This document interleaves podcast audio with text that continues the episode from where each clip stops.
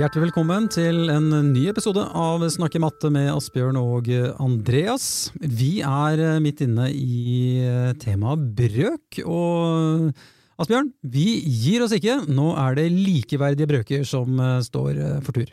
Det er det, og det vi skal se på nå er hvordan kan vi utforske dette med likeverdige brøker og bygge forståelse for det nøkkelkonseptet som elevene trenger hvis de skal lykkes med å kunne regne med brøk på et senere tidspunkt.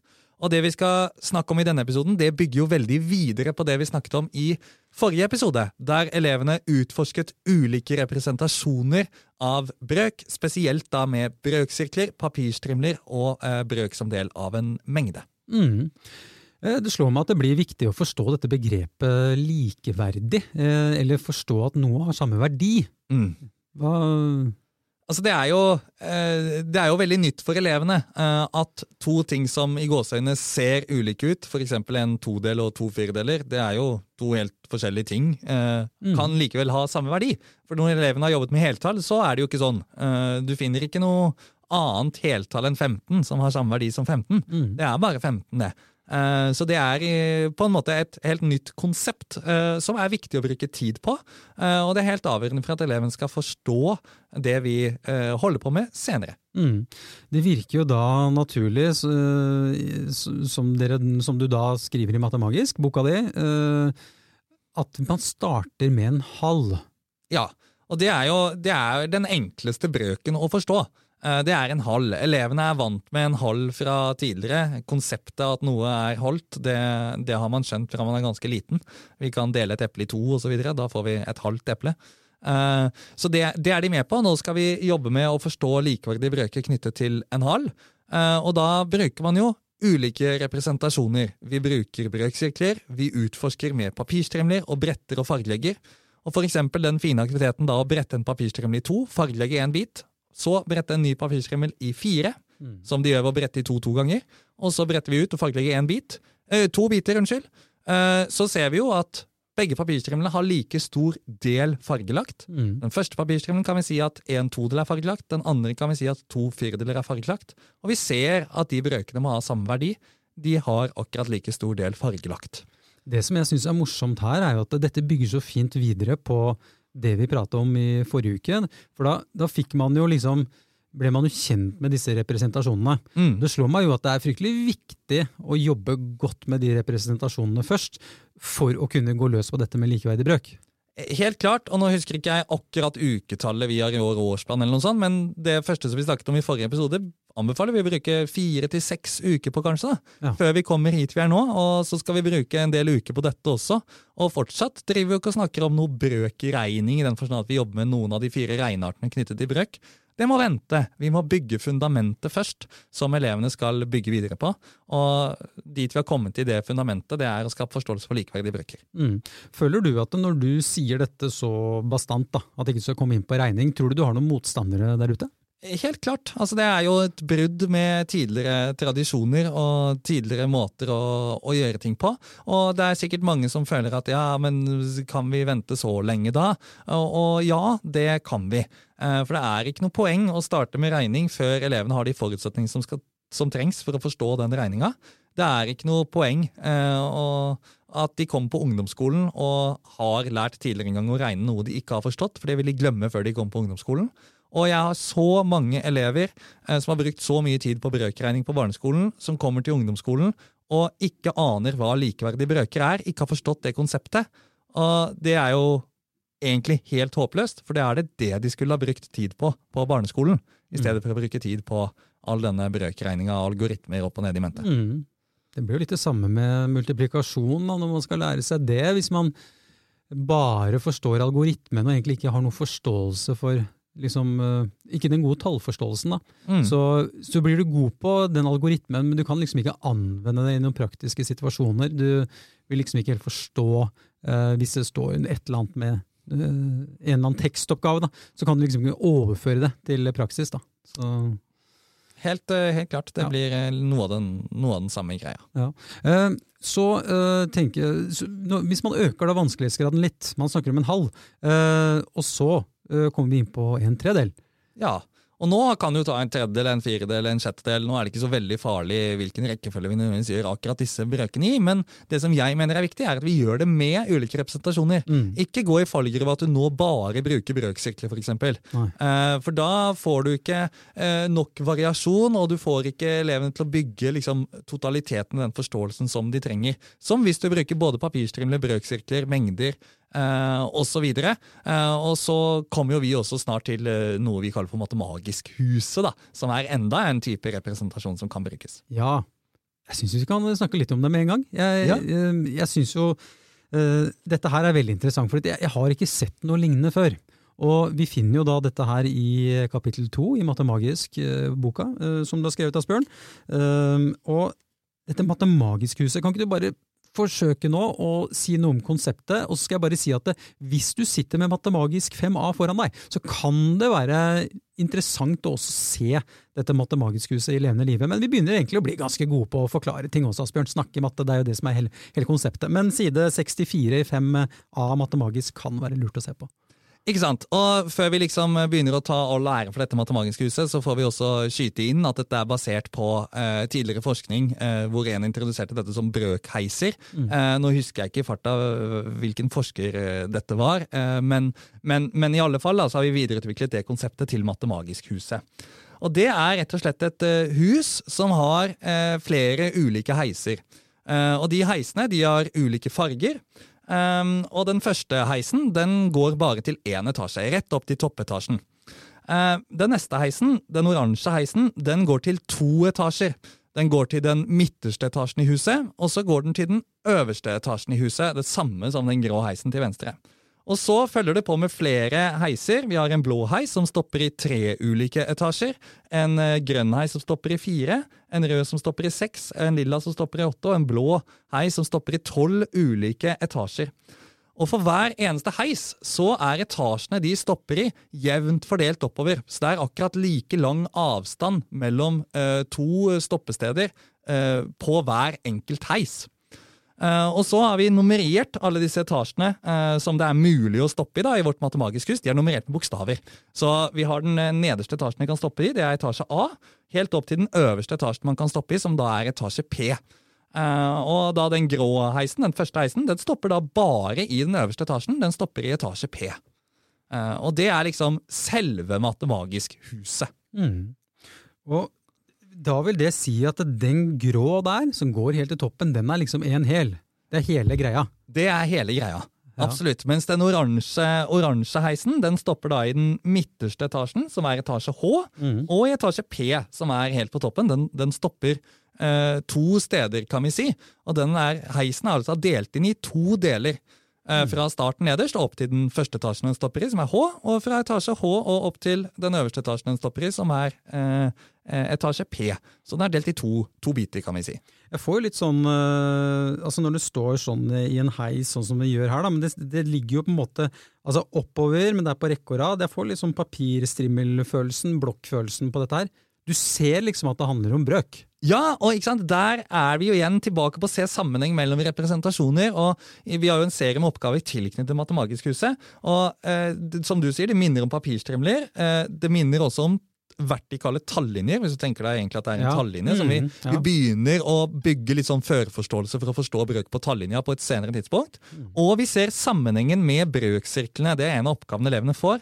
og De skal sammenligne Matemagisk-huset med brøksirklene og sette ord på hva det er som er likt, og hva det er som er uh, ulikt. Mm. Og Vi har brukt da samme fargekoder, sånn at fargene her samsvarer mellom brøksirklene og eh, Matemagisk-huset. Ja, fordi brød, når vi kommer da du, altså Matemagisk-huset er jo da satt så fint opp på to sider, sånn at man slipper å bla. Ja, ja. Det syns jeg var lurt. Det er lurt. Eh, men i hvert fall, den grå brøksirkelen, den er jo da fullstendig fargelagt. Mm. Noe som samsvarer med selve heisen, ikke sant? Mm. Eh, og så har du den oransje, den er jo da halv. Mm. Uh, som, uh, I og med at du da, den er delt i to i heisen. Og så har du da den mørkeblå. Det er en tredel, Mm. uh, som da har, stopper i tre etasjer. Ser man da, altså Det er jo åpenbart at den oppgaven da, den siste oppgaven her er liksom det som skal få deg til å at det skal gå opp et slags lys, virker det som. Ja, fordi det, det, store poenget som vi jo kommer til snart, det er når vi begynner å navngi etasjene på en annen måte. Fordi vi har jo navngitt etasjene i Matematikkhuset, A, B, C, D, opp til etasje P. Eh, men så eh, kan vi endre eh, denne navnsetningen og navngi de på en annen måte. Og hvis vi da bruker den røde heisen, som altså stopper eh, seks steder, eh, så kan vi si at den første etasjen den stopper i, den kan vi navngi etasje en sjettedel. Ja. Og den andre stedet den stopper i, den kan vi navngi for to sjettedeler, og så tre sjettedeler, fire sjettedeler, fem sjettedeler og seks sjettedeler. Mm. Uh, og det interessante da, hvis vi ser på etasje H, det er altså det midterste etasjen i matematisk huset. Den er jo da midt på, så det blir jo etasje tre sjettedel. Mm. Uh, og det ser man, ikke sant? det er stopp nummer tre, uh, og av sekserheisen. Så etasje tre sjettedel. Mm. Så etasje H, det vet vi, det har navnet tre sjettedeler. Hvis vi så flytter oss, og så ser vi på den oransje heisen Og den oransje heisen ja, den stopper i to etasjer, så det er toerheisen. Og det første stoppet til den eh, heisen det er jo midt i bygget, så det er i etasje H. Mm. Og Det betyr at hvis vi bruker den heisen, så kan vi gi den navnet etasje 1-2-del.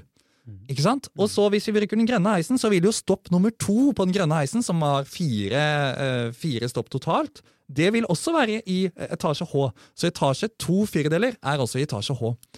Og det briljante her da, er jo at elevene da kan se at etasje en todel, etasje to firedeler og etasje tre sjettedeler er alle sammen etasje H. Mm. Så det er ulike navn, de ser ulike ut, men det er navn på den samme etasjen. Og dette bygger jo da forståelse for ideen om likeverdige brøker. Det er ulike brøker, men de har alle samme verdi. De representerer alle den samme etasjen i Matemagiskhuset. Mm.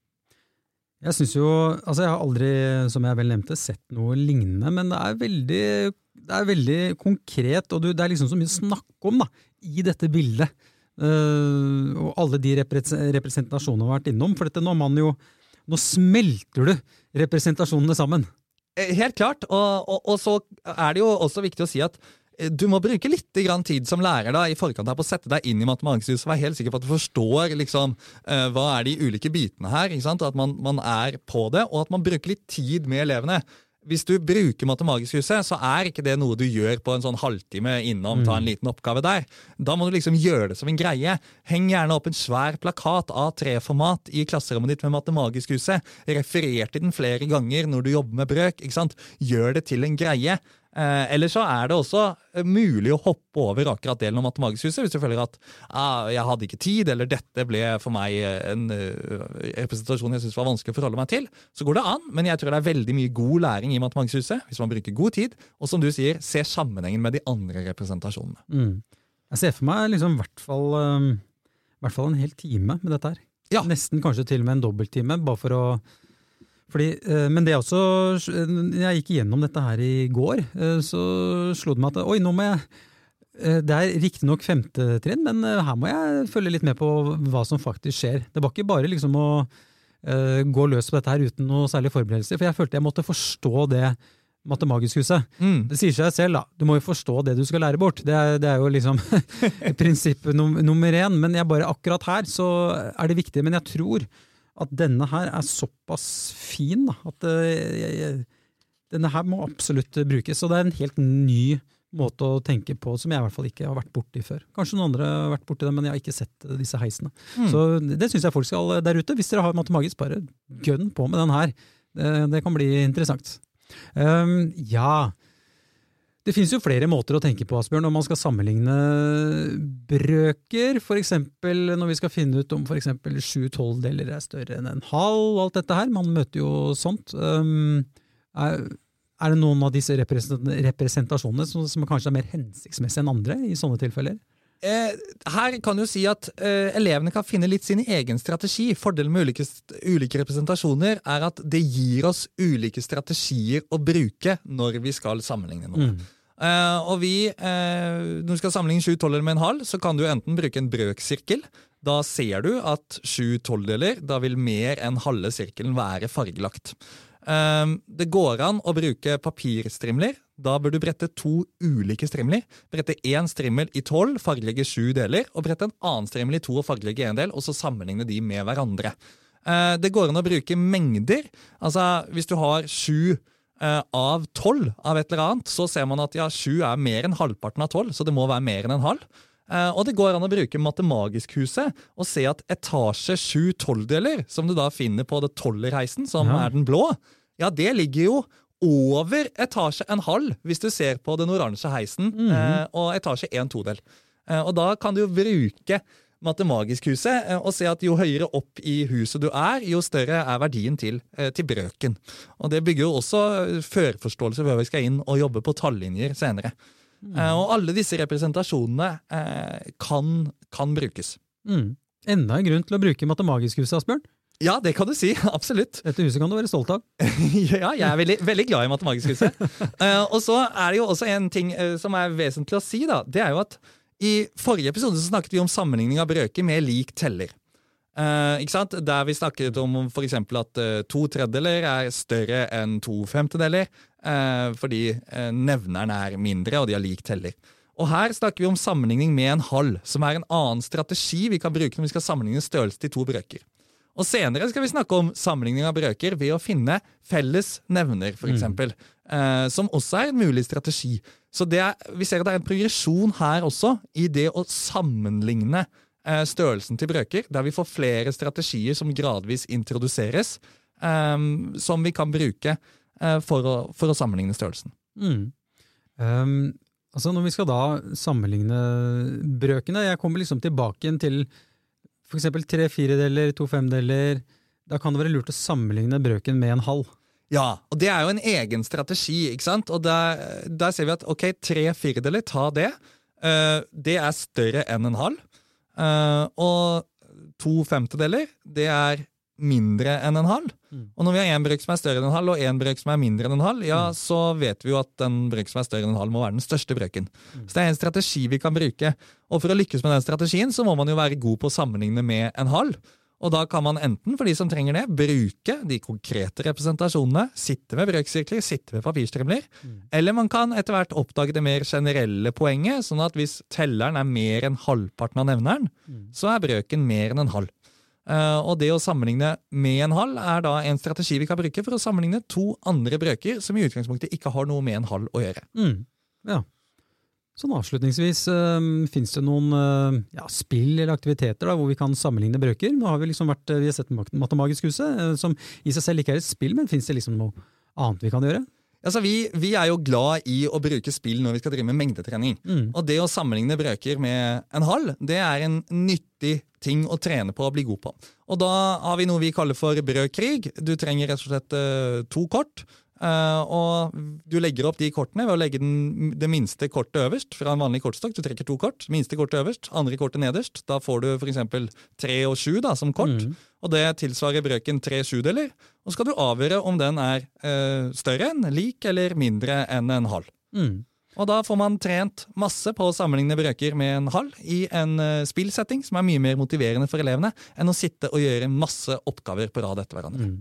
Blir jo vel viktig at denne brødkrigen, det spillet, kommer altså på det, et litt senere, senere tidspunkt, eller kommer etter uh, alle de altså matemagisk-huset og alt dette her. Altså at du har fått det litt innunder huden da, når du skal spille. Ikke sant? Vi har først utforska, vi har snakket sammen med matematiske samtaler i klasserommet, etablert en forståelse, og så skal vi trene mer. Og når vi trener mer, så kan vi gjøre det gjennom spill. Mm. Det er kult. Absolutt. Um, ja, ok. Likeverdige brøker, Asbjørn. Hva blir det viktigste her nå fra denne episoden? Jeg tror det viktigste er å tørre å bruke tid på dette. ikke sant? Vanligvis så gjør man dette i sammenheng med at vi skal bruke det for å komme i gang med denne finne fellesnevner og legge sammen brøker og så hei. Men bruk nok tid på å bruke likeverdige brøker for å bygge forståelse og koble sammen ulike representasjoner, så uh, utvikler elevene dine forståelse over tid. Mm. Neste episode, da skal vi snakke om addisjon og subtraksjon med brøk. Er det sånn at vi får lov til å begynne å regne da, eller? Da, da er det lov å begynne å regne lite grann, altså. Grann, Så vi, vi, vi kommer inn på litt eh, regning i neste episode. Det, det blir moro, det også. Ja, det gleder vi oss til. Yes, du har hørt Snakke matte med Asbjørn og Andreas. Takk for at dere var med, og så høres vi neste uke.